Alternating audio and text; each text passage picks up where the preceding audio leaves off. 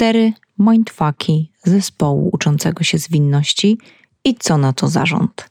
Witam Was serdecznie w piątym odcinku serii o zwinności i czternastym w ogóle, dajecie wiarę.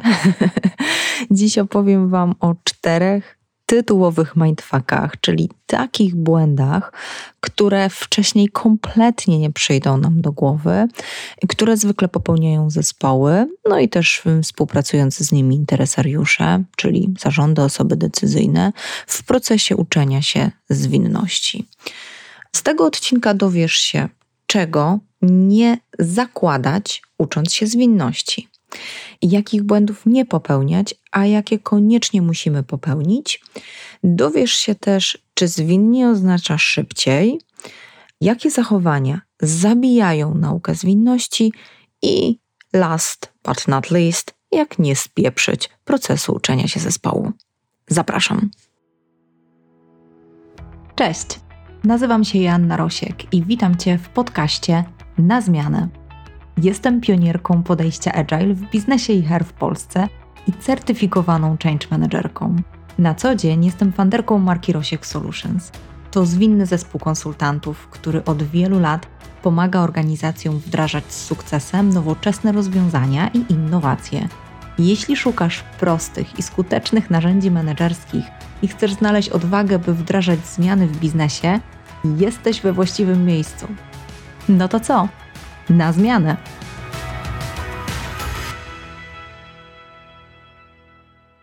Słuchajcie, do tego odcinka zmobilizowały mnie trwające współprace z zarządami i zespołami. Mamy taką usługę, gdy uczymy zespołu zwinności, to mamy taką usługę jak mentoring zarządu. Wsparcie osób decyzyjnych wtedy, kiedy organizacja uczy się zwinności.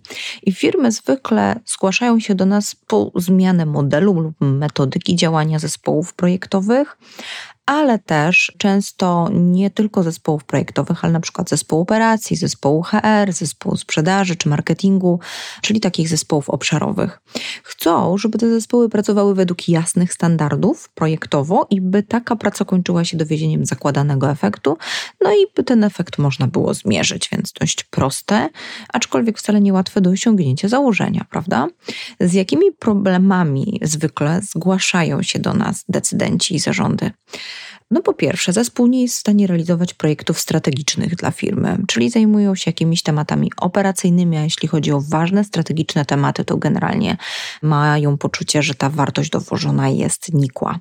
Zespół nie diagnozuje dobrze problemów firmy, czyli zwykle porywa się na dostarczenie jakiegoś rozwiązania bez wcześniejszej dobrej diagnozy problemu, który rozwiązuje.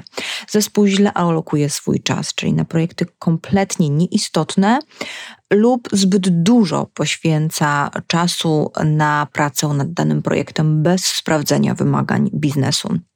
Kolejny problem to zespół nie komunikuje na bieżąco postępu prac i nie zbiera feedbacku. Zespół ciągle gasi pożary, w wyniku czego brakuje czasu na działania wspomniane wcześniej strategiczne. Kiepska komunikacja z zespołem pracującym nad rozwiązaniem, czyli zwykle mm, po jakichś dopytywaniach, jak wygląda status, reagują zbyt emocjonalnie lub zbyt zachowawczo. Najchętniej to chcieliby, żeby im w ogóle nie zaglądać w to, co robią, a jak się komunikują, no to już rzeczywiście jest, jest, jest problem. Czyli gdy przychodzą do nas z jakąkolwiek komunikacją, to okazuje się, że już jest naprawdę problem poważny, zamiast przejść wcześniej. Kolejny problem to trudno wyczuć, co im zajmuje tyle czasu, jak jest ten czas alokowany. Zespół niejako ukrywa się z tym, nad czym pracuje, a decydentom każe czekać na moment, gdy będą gotowi. I ostatnie dwa, gdy jest próba wsparcia i chęć przyjrzenia się bliżej działaniom zespołu, bo na przykład z troską widzimy, że no, może warto by było ten zespół wesprzeć, to odbierane jest to jako nadmierna kontrola. Generalnie często też widzimy takie symptomy, że zespół się po prostu boi zarządu, tak? bo jak już tokolwiek zagląda, to już jest naprawdę źle. Zespół traktuje współpracę z zarządem też jako zło konieczne, czyli unika synchronizacji, bieżącego feedbacku, boi się krytyki, na razie nie będę też zdradzać z jakich powodów, bo mam nadzieję, że w tym odcinku te powody odkryjesz. Ok. I teraz nie trzeba chyba udowadniać, że z takim zespołem ciężko się pracuje, prawda? Już nie mówiąc o realizacji strategicznych celów firmy. Dlaczego poruszam ten temat? Dlatego, że współpracujący z nami funderzy, zarządy, dyrektorzy strategiczni, bo też oni często opiekują się właśnie zespołami projektowymi, chcą, żeby te projekty kończyły się sukcesem i często mają poczucie, że nie do końca interwencje, które podejmują, przynoszą zamierzone korzyści. Czyli intencja jest dobra, ale efekt, który jest wywołany, często przeczy tej intencji. I gdy tacy klienci się do nas zgłaszają, zwykle na tym pierwszym etapie rozmów, czyli już na tej pierwszej bezpłatnej konsultacji, pytamy, czego chcieliby, żeby ten zespół się nauczył. No i ta lista jest mniej więcej taka, jak przedstawiona na początku tego odcinka. Potem zaś zwykle zadajemy pytanie, a czego Państwo chcieliby się nauczyć pod kątem współpracy z takim zespołem? No i tu zwykle zapada cisza. Taka wiecie, przedłużająca się cisza, w, w, trakcie której słychać gdzieś takie niewypowiedziane, wiszące w powietrzu, no ale jak to my? No, no przecież my chcemy, żeby to oni się nauczyli, prawda? Przecież chcemy wesprzeć ten zespół, żeby no jakby zespół realizował projekty, prawda? Ale jak to my? A potem, po chwili namysłu, pada jednak lista oczekiwań, która brzmi: no, no, jak to zrobić, żeby oni, prawda? Chcemy się tego nauczyć, jak to zrobić, żeby oni. I chcę Wam powiedzieć, że y, są też takie zarządy, które mają cywilną odwagę uczyć się współpracy z zespołem. Są tacy prezesi, tacy funderzy, tacy dyrektorzy odpowiadający za swoje obszary, czy też za zespoły projektowe, których chcę tutaj serdecznie pozdrowić wszystkich naszych klientów, którzy są w tym procesie, którzy pracują z odwagą i pokorą, mówiąc, no chcemy, żebyście nas poprowadzili w tym uczeniu się stawania się zwinnym zespołem, zwinnym zarządem, zwinną firmą. Nie chcemy spieprzyć tej roboty i budżetu. I mówię to Wam, bo po pierwsze chcę docenić tych, którzy faktycznie mają tą odwagę stawania w dyskomforcie, gdy się okazuje, że nie tylko zespół popełnia błędy. Chcę też docenić za to, że z tej usługi mentoringu, bycia prowadzonym korzystają. Chcę też Wam pokazać właśnie dzisiaj, podzielić się tymi czterema mindfuckami, które zazwyczaj z nami odkrywają, no, żebyście mogli skorzystać z tej wiedzy. Okej, okay. sęk w tym, słuchajcie, że to zespół uczy się zwinnego podejścia, a zarząd, decydent, interesariusz uczy się współpracować ze zwinnym zespołem. I to jest kompetencja, której się trzeba nauczyć.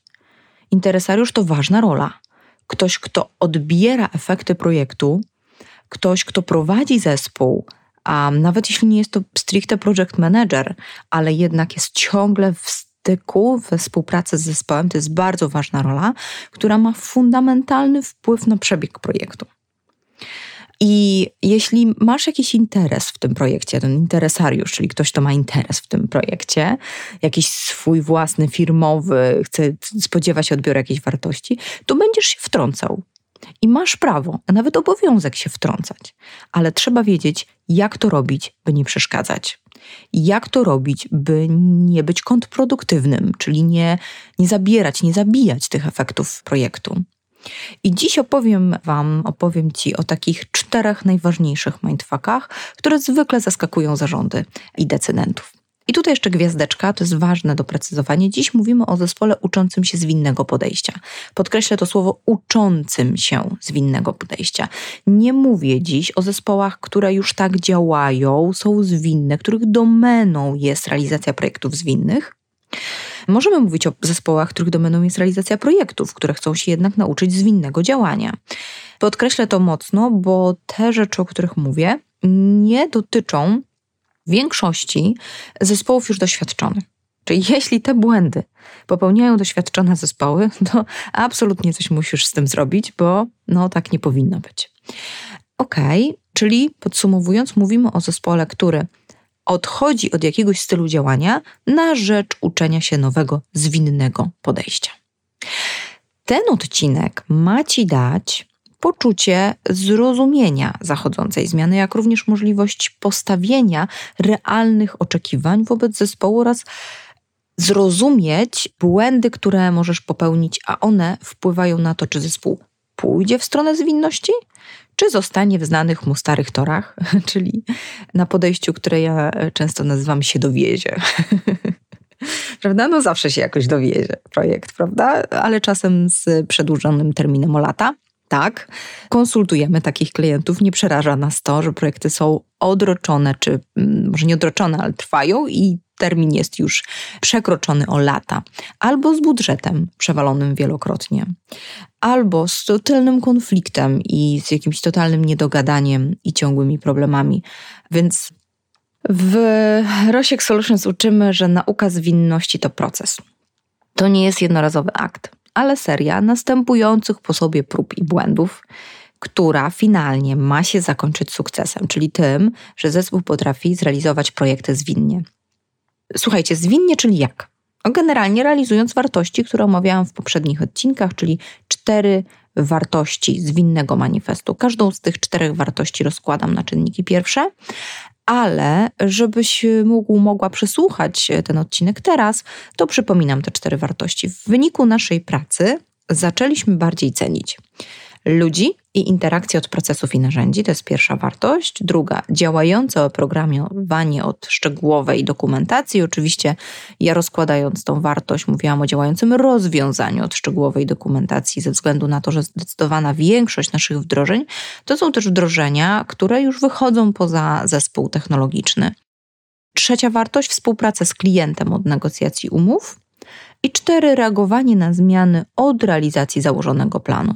Oznacza to, że elementy wypisane po prawej są wartościowe, ale większą wartość mają dla nas te, które wypisano po lewej, to oznacza wymienione jako drugie. No dobrze, to przejdźmy sobie teraz przez te cztery mindfucki. O właśnie, cztery mindfucki, cztery wartości. Nie nawiązywałam do tych wartości, ale liczba jest tak wyszła zbieżna. Słuchajcie, pierwszy mindfuck to jest dowiozą więcej czy dowiozą mniej? Wyobraźmy sobie taką sytuację, że zespół zaczyna realizować projekty zwinnie, czyli dostał od nas pewne podstawy, fundamenty zwinności i co ważne, upewniliśmy się, że zespół jednakowo je rozumie. I kolejnym krokiem jest przełożenie ich pod okiem konsultanta Agile na realny projekt. Taki wiecie, prawdziwy, firmowy projekt. Jak go wybrać, to na razie pominę, bo to oczywiście nasza metodyka też to zawiera, jak wybrać odpowiedni projekt do uczenia się, ale to nie dziś. Zawsze na każdym etapie działania zespołu zwinnego zespół planuje więc, co dowiezie w danym sprincie, czyli w danym cyklu trwającym około 2-3 tygodnie. W tym realnym, rzeczywistym projekcie, w którym się uczą, Zwykle taki uczący zespół wchodzi w projekt z wiarą w sukces, z absolutną wiarą w sukces i to jest bardzo dobre. Bazując na doświadczeniach, też widzimy, że to właśnie początkowa wiara w ten sukces projektu silna identyfikacja z tworzonym rozwiązaniem wyzwala potem chęć brania odpowiedzialności za dostarczenie dobrego rozwiązania. I na początku, i potem. Ona jest fundamentalna do tego, żeby ta odpowiedzialność się zrodziła. I jednocześnie taka identyfikacja na etapie uczenia się nowego podejścia powoduje, że zespół zbyt optymistycznie ocenia swoje szanse i możliwości, ale też nie swoje, bo też osób, od których potrzebuje istotny wkład. I słuchajcie, postawa odpowiedzialności. Niech podniesie rękę ten, kto nie chce mieć odpowiedzialnych ludzi w zespole. Mam nadzieję, że pusto na tej sali słuchaczy. Postawa odpowiedzialności wykształca się, gdy zespół sam, podkreślam, sam doświadczy, że pierwotne założenia były zbyt optymistyczne. Jeśli sam zaplanuje zbyt dużo, zobaczy to zwizualizowane na tablicy, bo też ucząc zespołów zwykle używamy tablicy. Nie zawsze kanbanowej, ale zwykle tablicy kanbanowej. Jeśli ten zespół sam zobaczy, że te pierwotne założenia no faktycznie były zbyt optymistyczne. Oczywiście szczery feedback od interesariuszy jest tutaj istotny, no bo gdzieś musi być ten wyzwalacz, żeby ten zespół jakby zrozumiał, że to było zbyt optymistyczne, chociaż nie zawsze jest potrzebny feedback. Wiele zespołów orientuje się samodzielnie. Nie jest niezbędny ten feedback do uczenia się, ale jest ważny. Ale nie może być ten zespół od razu zarzucany uwagami, że to niemożliwe i nie dowiezie. Tak? Bo zabijemy w nich wiarę, a wiara, jak wspomniałam wcześniej, jest niezbędna do tego, żeby wytworzyła się odpowiedzialność. I otóż, kochani, mam na swoim koncie przynajmniej kilka takich zaskoczeń, że zespół finalnie dowiózł. Na przykład, jeden z realnych przykładów, w 6 miesięcy projekt platformy onboardingowej dla przedstawicieli medycznych na wszystkie kraje Europy. Podczas gdy zanim zaczęliśmy ich uczyć, firma 3 lata zmagała się z tym, że nie udało się wdrożyć platformy na jeden kraj. Więc wiecie, pierwotne reakcje zarządu, że wiecie, to to się nie da, tak?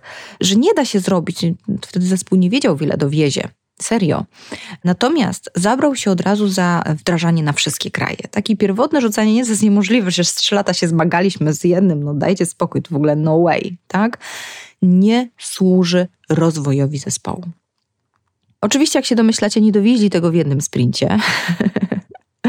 Natomiast sam fakt tego, że nikim tam nie zarzucał, że to nie jest możliwe, bardzo mocno podniósł, a też motywacyjnie ten zespół. Więc wcześniejsze zarzucanie i mówienie nie, to, to po prostu nie dowieziecie, nie ma sensu. I co więcej, w drugą stronę, to powstrzymanie się przed tym, oczekiwaniem zbyt dużo czasem, to też jest niezwykle ważne, dlatego że no, ta wartość nie będzie od razu. Nasz model pokazuje, że znacznie lepsze efekty uczenia się daje pozwolenie zespołowi na przejście przez etap optymistycznej wiary w sukces, pozwolenie zespołowi na odkrycie błędów dzięki feedbackowi i samodzielne wyciągnięcie przez zespół wniosków. I w wyniku tego oczywiście poprawek efektywności. Czyli słuchajcie, po tym odcinku wy jako decydenci pięknie tutaj wspieracie zespół, siedzicie i wiecie, że ten zespół się komituje na więcej, prawda? A wy wiecie, że dowiezie mniej i jesteście z tym ok, ale nie mówicie tego głośno. Ok? Oczywiście wszelki feedback, który jesteście w stanie dać pod tytułem rozważcie jeszcze taki, a nie inny aspekt, weźcie pod uwagę może takie, a nie inne okoliczności, taki, a nie inny kontekst, mogą nakierować zespół na to, że lepiej oszacują tą wartość. Natomiast nie ma tutaj miejsca ani na zbyt duże oczekiwania, bo wy wiecie, że zespół jest zbyt optymistyczny, ani na zabijanie tej wiary mówieniem, że to się nie dowiezie. Drugi mindfuck. Będzie lepiej versus będzie gorzej. Naturalną konsekwencją wcześniejszych zbyt takich optymistycznych założeń jest następujący po nich spadek optymizmu i w wyniku tego pogorszona efektywność. Bo jeśli coś się nie udało, to zespół siada. Ponadto stosuje nowe podejście, które jest bardziej wymagające na etapie uczenia się, a jeszcze mu nie wychodzi. I to jest taki etap, słuchajcie, klasycznego rycia w mule, tudzież brnięcia w błocie, albo bycia wciąganym przez bagno.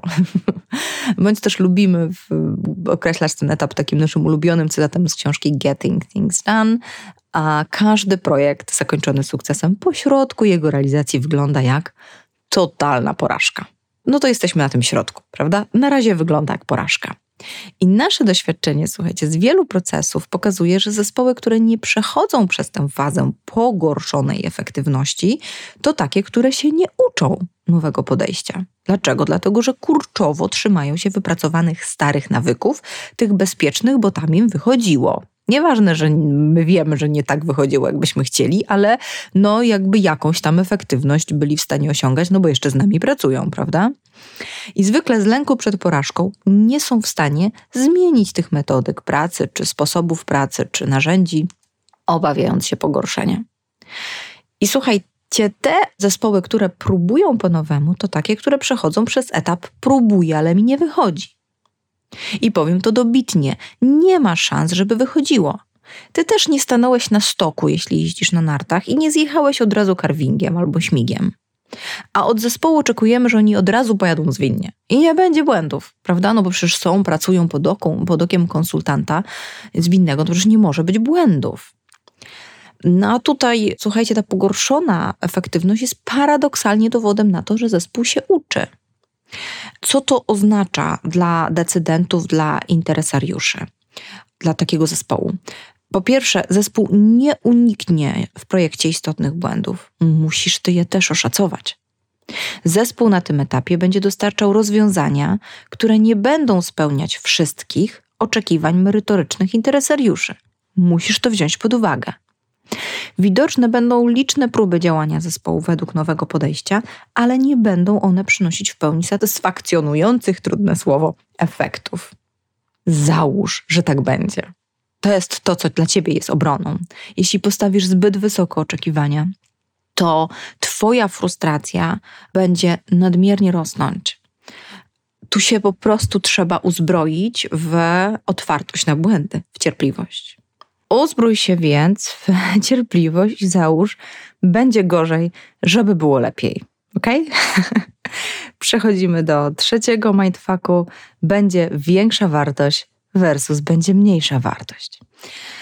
No i słuchajcie, pozwolenie zespołowi na przejście przez fazę pogorszonej efektywności to jest wejście też w taką fazę prób i błędów. I to jest niezbędne do zmiany i sukcesu. Czyli to nie jest tak, że my na chwilę będziemy mieli tą pogorszoną efektywność, a potem już wszystko będzie dobrze. Nie, my się musimy nauczyć testować pewne założenia. My musimy się nauczyć sprawdzać, czy to, co przyjęliśmy w projekcie, ma szansę zakończyć się sukcesem. To oznacza, że już na zawsze będzie z nami testowanie metodą prób i błędów. No, zwinność jest metodą empiryczną. Nie? Opiera się na eksperymencie. No i wiadomo, że eksperyment może zakończyć się sukcesem, ale może się też zakończyć porażką. I po to, jak działamy zwinnie, żeby tą porażkę porozkładać na mniejsze kawałki i jak to mówimy, fail fast and cheap, czyli jakby ucz się, ponoć tą porażkę szybko i tanio. Czyli wcześniej odkrywaj na mniejszych założeniach, czy to będzie miało sens. I każdy zespół musi przez taką fazę przejść, by samodzielnie wyciągać wnioski. Co więcej, musi nabywać umiejętności stałego oswojenia się z tym eksperymentowaniem i z błędami. I słuchajcie, otrzymuje od nas rekomendacje, metodykę, jednak samodzielnie decyduje się na to, w jaki sposób ją zastosuje w projekcie. Ja zawsze mówię, my możemy być w tym wszystkim ekspertem od zwinności, chociaż wiecie, to jest tak, że nie ma czegoś takiego jak jest stan jestem agile, tak? To, to jest stan ciągle dążę do większej zwinności. Ale możemy ekspercko służyć tym zespołom, które mają mniejsze doświadczenie niż my w tym rozwoju zwinności, ale my nie będziemy ekspertem od waszego kontekstu i waszego środowiska. I to, w jaki sposób zespół wykorzysta w projekcie i w swoim kontekście tą metodykę, zależy od zespołu ten kontekst jest zmienny. I nie jesteśmy w stanie, nawet jako eksperci, przewidzieć wszystkich konsekwencji i założeń zespołu. Na przykład to, że zespół zakłada, że zrobimy wywiady z jakąś grupą po to, żeby poznać ich doświadczenie i dostarczyć lepszą wartość, bo ta grupa jest na przykład najbardziej dostępna i najbardziej otwarta. A potem okazuje się, że się nie skomunikowali, że tamci mają ważne wdrożenie i są niedostępni. Im my tego wiedzieć nie możemy, oczywiście możemy podpowiedzieć, jak to sprawdzić, ale finalnie musimy zaufać zespołowi. Zespół więc będzie w tym całym poszukiwaniu prób i błędów, słuchajcie, szukał minimalnej wartości. W ogóle sama koncepcja produktu o minimalnej wartości, czyli tak zwanego MVP, jest fundamentem zwinnego działania. Czyli będzie szukał takiej minimalnej wartości, który jest w stanie dostarczyć w danym cyklu dwóch, trzech tygodni. I na tym polegają projekty zwinne. A my oczekujemy, że no, skoro się uczą i daliśmy im jeszcze na to budżet, to będzie większa wartość, prawda? No bo przecież są wspierani i się uczą. Zespół więc będzie dostarczał mniejsze plastry wartości, które finalnie złożą się w działające rozwiązanie. Zamiast zamykania się na 6 miesięcy i dostarczenia potem tak zwanego gniota, bez prób testowania założeń z interesariuszami. Oczekujesz komunikacji? Oczywiście, to otwórz się na błędy. Nie oczekuj, że od razu będą jakby z krótszymi cyklami, ale przychodzić od razu z dobrym rozwiązaniem. I słuchajcie, oznacza to, że będziecie obserwować sytuacje, w których zespół będzie realizował zadania w nowym podejściu, ale jeszcze nieefektywnie. Część z tych interwencji oczywiście będzie skuteczna, a część nie. Musisz mieć jedynie poczucie, że zespół jednak uczy się i zaczyna iść w dobrym kierunku, W pewnym momencie oczywiście też trzeba sprawdzić dozy zaufania do zespołu, ale upewnienia się, że on odpowiednio dobrze rozumie wartość, którą ma dostarczyć. Tak? Czyli nie, my nie zastanawiamy się jeszcze nad tym, jak ten zespół tą wartość dostarczy, czyli cały czas upewniamy się, że ta wartość, którą sobie na początku zdefiniowaliśmy, że ona finalnie zostanie dostarczona. Zespół też w ramach tego zespołu projektowego będzie wyciągał wnioski z procesu uczenia się i dokonywał modyfikacji. I w związku z tym może ponawiać niektóre kroki, może pivotować, czyli zmieniać kierunek działania w wyniku odkrycia, że wcześniejsze założenia po testach okazują się błędne. Otwórz się więc na istotne zmiany, nawet zmiany kierunku, nawet zmiany obszaru, nawet zmiany zakresu projektu. I to jest przepiękne, jeśli ten zespół przychodzi do ciebie i ma dane, które mówią: Nie róbmy tego. To jest bez sensu. Zobaczcie, mamy na to glade. Hmm? Musimy się zająć czymś innym. Zespół też będzie podejmował nieudane próby i ponownie powracał do niektórych zadań, by się usprawniać. Może być tak, że to się przełoży na tempo tej pracy, tak, na wydłużenie na tych wcześniejszych etapach projektu. Oczywiście potem możemy nadrobić, ale bardzo często na początku jest tak, że to zabiera oczywiście czas. Nie wszystkie etapy są też możliwe do powtórzenia. Stąd zespół czasem stoi przed wyzwaniem zmniejszenia zakresu projektu, by zrealizować najważniejszy cel, jakim jest nauka nowego sposobu działania i zawsze jak przechodzimy przez ten rzeczywisty projekt, żeby nauczyć się zwinności, to ja mocno podkreślam, że najważniejszą wartością jest to, że ten zespół nauczy się działać zwinnie. Mniej ważna wartość to jest wartość dowiedzionego projektu.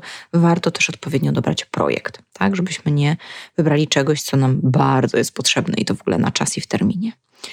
Słuchajcie, etap prób i błędów oznacza, że zespół wyciąga wnioski z zrealizowanych kroków, zarówno z błędów, jak i z sukcesów. Brak zmian, prób, błędów oznaczałby, że zespół się nie uczy, lecz trzyma się starego, znanego, bezpiecznego sposobu działania. Czyli paradoksalnie próby i błędne, pivoty, zmiany założeń są dowodem sukcesu w uczeniu się zespołu. I to, co hamuje, słuchajcie, w tym mindfucku proces zmiany lub go spowalnia, to koncentracja na popełnionych błędach zamiast wyciągania wniosków, szukanie winnych zamiast lekcji. Takie, wiecie, biadolenie, och oj, w ogóle popełnili błędy. O nie, to nie powinny być piwoty. O w ogóle nie, że błędnie zespół w ogóle źle, że on tutaj popełnia, czy coś powtarza, czy do czegoś wraca. Narzucanie, co należy zrobić z błędami, to też nie wspiera uczenia, zamiast pozwolenia, by zespół sam wziął odpowiedzialność za naprawienie sytuacji. No właśnie to komunikowanie niezadowolenia, że w ogóle zdarzają się błędy i że komunikowanie tego wprost jakby zespołowi. Nie, nie przychodźcie do mnie z błędami, przyjdźcie jak już będzie gotowe. To absolutnie przeczy zwinności. No i ten wspomniany wcześniej brak przyzwolenia na pivoty. Nie? To jak już wybraliśmy ten obszar, to już się go trzymajmy, już nie zmieniajmy. Nie? To niestety nie, nie, nie wspiera uczenia się zwinności. No i słuchajcie, ostatni mindfuck to będzie szybciej versus będzie wolniej. Trochę już tutaj zaspoilerowałam ten błąd wcześniej. Słuchajcie, ten ostatni mindfuck przypomina mi historię mojej nauki pływania. Wiecie lub nie, ale moim ulubionym sportem jest pływanie. I słuchajcie, miałam taką historię, że świetnie pływałam żabą, uwielbiałam pływać żabą, natomiast umiałam przepłynąć kraulem maksymalnie cztery długości basenu. No i ponieważ też jestem astmatykiem, więc jakoś wbiłam sobie do głowy, że ten kraul i to pływanie kraulem jest hamowane przez moją astmę.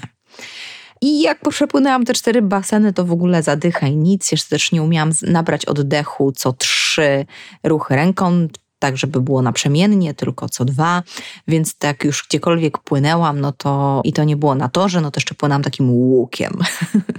więc no generalnie zero efektywności, żabą w nieskończoność. No więc poszłam do instruktora nauczyć się pływać. No i oczywiście, słuchajcie, czy było szybciej? No nie rozwalił mi wszystko. Więc już na pierwszej lekcji miałam poczucie, że ja w ogóle nie umiałam pływać kraulem. I w ogóle te cztery długości to sobie chyba jakoś uroiłam. Ale za to, słuchajcie, po siódmej lekcji wskoczyłam na poziom 40 basenów. Pierwsze pięć, sześć lekcji to była gehenna. W ogóle poczucie, że ja w ogóle uczę się od nowa pływać. I oczywiście raz na jakiś czas dla poprawy zdrowia psychicznego przepłynęłam sobie długość żabą, tak, żeby wiedzieć, tak, umiem, przynajmniej mam ten drugi, drugi styl. Teraz mój standard to jest godzina i 60 basenów, czyli te takie półtorej kilometra i generalnie gdyby nie kończąca się lekcja córek, to pewnie takie mam poczucie, mogę pływać dalej, tak? Nie sprawdzałam dalszych możliwości póki co, ale te półtorej kilometra jest po prostu cudem moim wypracowanym. Nie było szybciej. A jest? Tak, jest. Tylko nie było od razu szybciej. I było wolniej, zdecydowanie najpierw, po to, żeby się pozbyć wcześniejszych nawyków oddechowych, by wypracować nowe. I mam nadzieję, że ta metafora niebiznesowa też na pewno masz w swoim doświadczeniu taki obszar, którego się uczyłeś, uczyłaś, a który wcześniej, w którym wcześniej coś umiałeś czy umiałaś. Nie? Taki obszar, gdzie trzeba było porzucić coś starego, nauczyć się nowego tyle, to tylko cztery, ale mam wrażenie, że najważniejsze problemy, które no, z każdym zarządem przerabiamy, z każdym zespołem przerabiamy, które hamują uczenie się zespołów i zarządów. I podsumowując, takie cztery wskazówki na koniec. Pozwól dowozić mniej, by dowozili więcej. Drugie, wspieraj na etapie pogorszonej efektywności. Bij brawo, i zapewni bezpieczeństwo psychologiczne, żeby można było rozmawiać otwarcie o błędach i wierzyć, że każdy, absolutnie każdy, nawet ten taki, wiecie, bolesny błąd prowadzi nas do celu. Otwórz się na małe plastry wartości zamiast na wielką wartość i otwórz się też na to, że będziesz sprawdzał, czy ta wartość jest dowieziona, czy nie, i będą takie sprinty, takie cykle, takie rozmowy z zespołem, które pokażą, że ta wartość nie jest dowieziona. I pozwól zwolnić, by potem znacznie przyspieszyć. Tyle. Bardzo Wam dziękuję w, w, tym odcinku za wspólne przebrnięcie przez te cztery mindfucki. Mam nadzieję, że to już nie będą Twoje mindfucki i będziesz potrafić e, świetnie, świetnie wspierać zespół w nauce zwinności. Zresztą nie tylko w nauce zwinności, bo mam poczucie, że wszystkie te aspekty dotyczą uczenia się czegokolwiek. No dobrze, słuchajcie, na koniec mam jeszcze ogłoszenie. Jeśli nie masz ochoty go słuchać, to zapraszam Cię do kolejnego odcinka. Słuchajcie, jest końcówka roku, więc powiem Wam, jakie produkty świetnie się sprawdzają na ten przełom roku. I to są takie trzy produkty. Pierwszy to są warsztaty strategiczne, które pozwalają oprzeć strategię na dobrej analizie momentu, w którym znajduje się zespół. Dobra strategia e, zawsze zaczyna się od analizy, od diagnozy, nawet powiedziałabym, analizy pola i sił i armii, z którą wyruszamy, oraz zewnętrznego kontekstu, i to jest dobra diagnoza. Na podstawie tej diagnozy dobieramy podejście, a na podstawie tego podejścia dobieramy spójny plan działań, więc takie warsztaty strategiczne dają Wam tą diagnozę. Drugi produkt, który świetnie się sprawdza na przełom roku, końcówka lub początek, to roadmapa zespołu lub firmy, czyli takie warsztaty, które zgrywają te najważniejsze priorytety różnych zespołów lub jednego zespołu i różnych jego członków na nadchodzący rok, tak by współpracować i dowieść razem większą wartość. I oczywiście to jest zwinna roadmapa, natomiast nawet niezwinny zespół fajnie sobie pracuje w tej roadmapie. Często roadmapa jest w ogóle takim pierwszym krokiem, od którego zaczynamy, bo jedną z takich najczęstszych wymówek, które słyszymy, to jest, ale my nie mamy czasu, prawda? Ten zespół, który ma się uczyć zwinności, to chce realizować projekty lepiej, ale w ogóle nie ma czasu na naukę, więc my robimy też taką roadmapę, żeby znaleźć te priorytety i zobaczyć to, z czego możemy zrezygnować, jak sobie zrobić tę przestrzeń, na to, żeby się jeszcze uczyć nowego podejścia. I tak, podpowiem, zawsze się udaje znaleźć taki obszar, z którego można zrezygnować i dzięki temu jest przestrzeń na uczenie się. I trzeci obszar, który świetnie się sprawdza na początek roku, to słuchajcie, nauka zwinności w oparciu o nasz model 7P, czyli realizację konkretnego projektu. Dlaczego? Dlatego, że bardzo często wyruszamy z jakimiś istotnymi projektami, chcemy, żeby one były zrobione dobrze. Warto więc z nami sobie przejść takie trzy miesiące wspólne 3 do 4 miesięcy, gdzie my zaopiekujemy się tym, żeby dobrze wysetapować ten projekt, nauczyć też zespół spójnego podejścia, a potem zostawić Was już samodzielnie w tym projekcie. Pomyślcie tylko, że ten pierwszy kwartał działania zespołu w nowym roku to jest taki kwartał, gdzie dostajecie kopa merytorycznego i motywacyjnego do tego, żeby ktoś Was poprowadził w dobrym kierunku. No, no bajka, prawda? Więc serdecznie Was zachęcam. Pozdrawiam Was zwinnie, jeszcze się nie żegnam, bo jeszcze będziemy się słyszeli w tym roku. Do usłyszenia, słuchajcie. No to co? Na zmianę.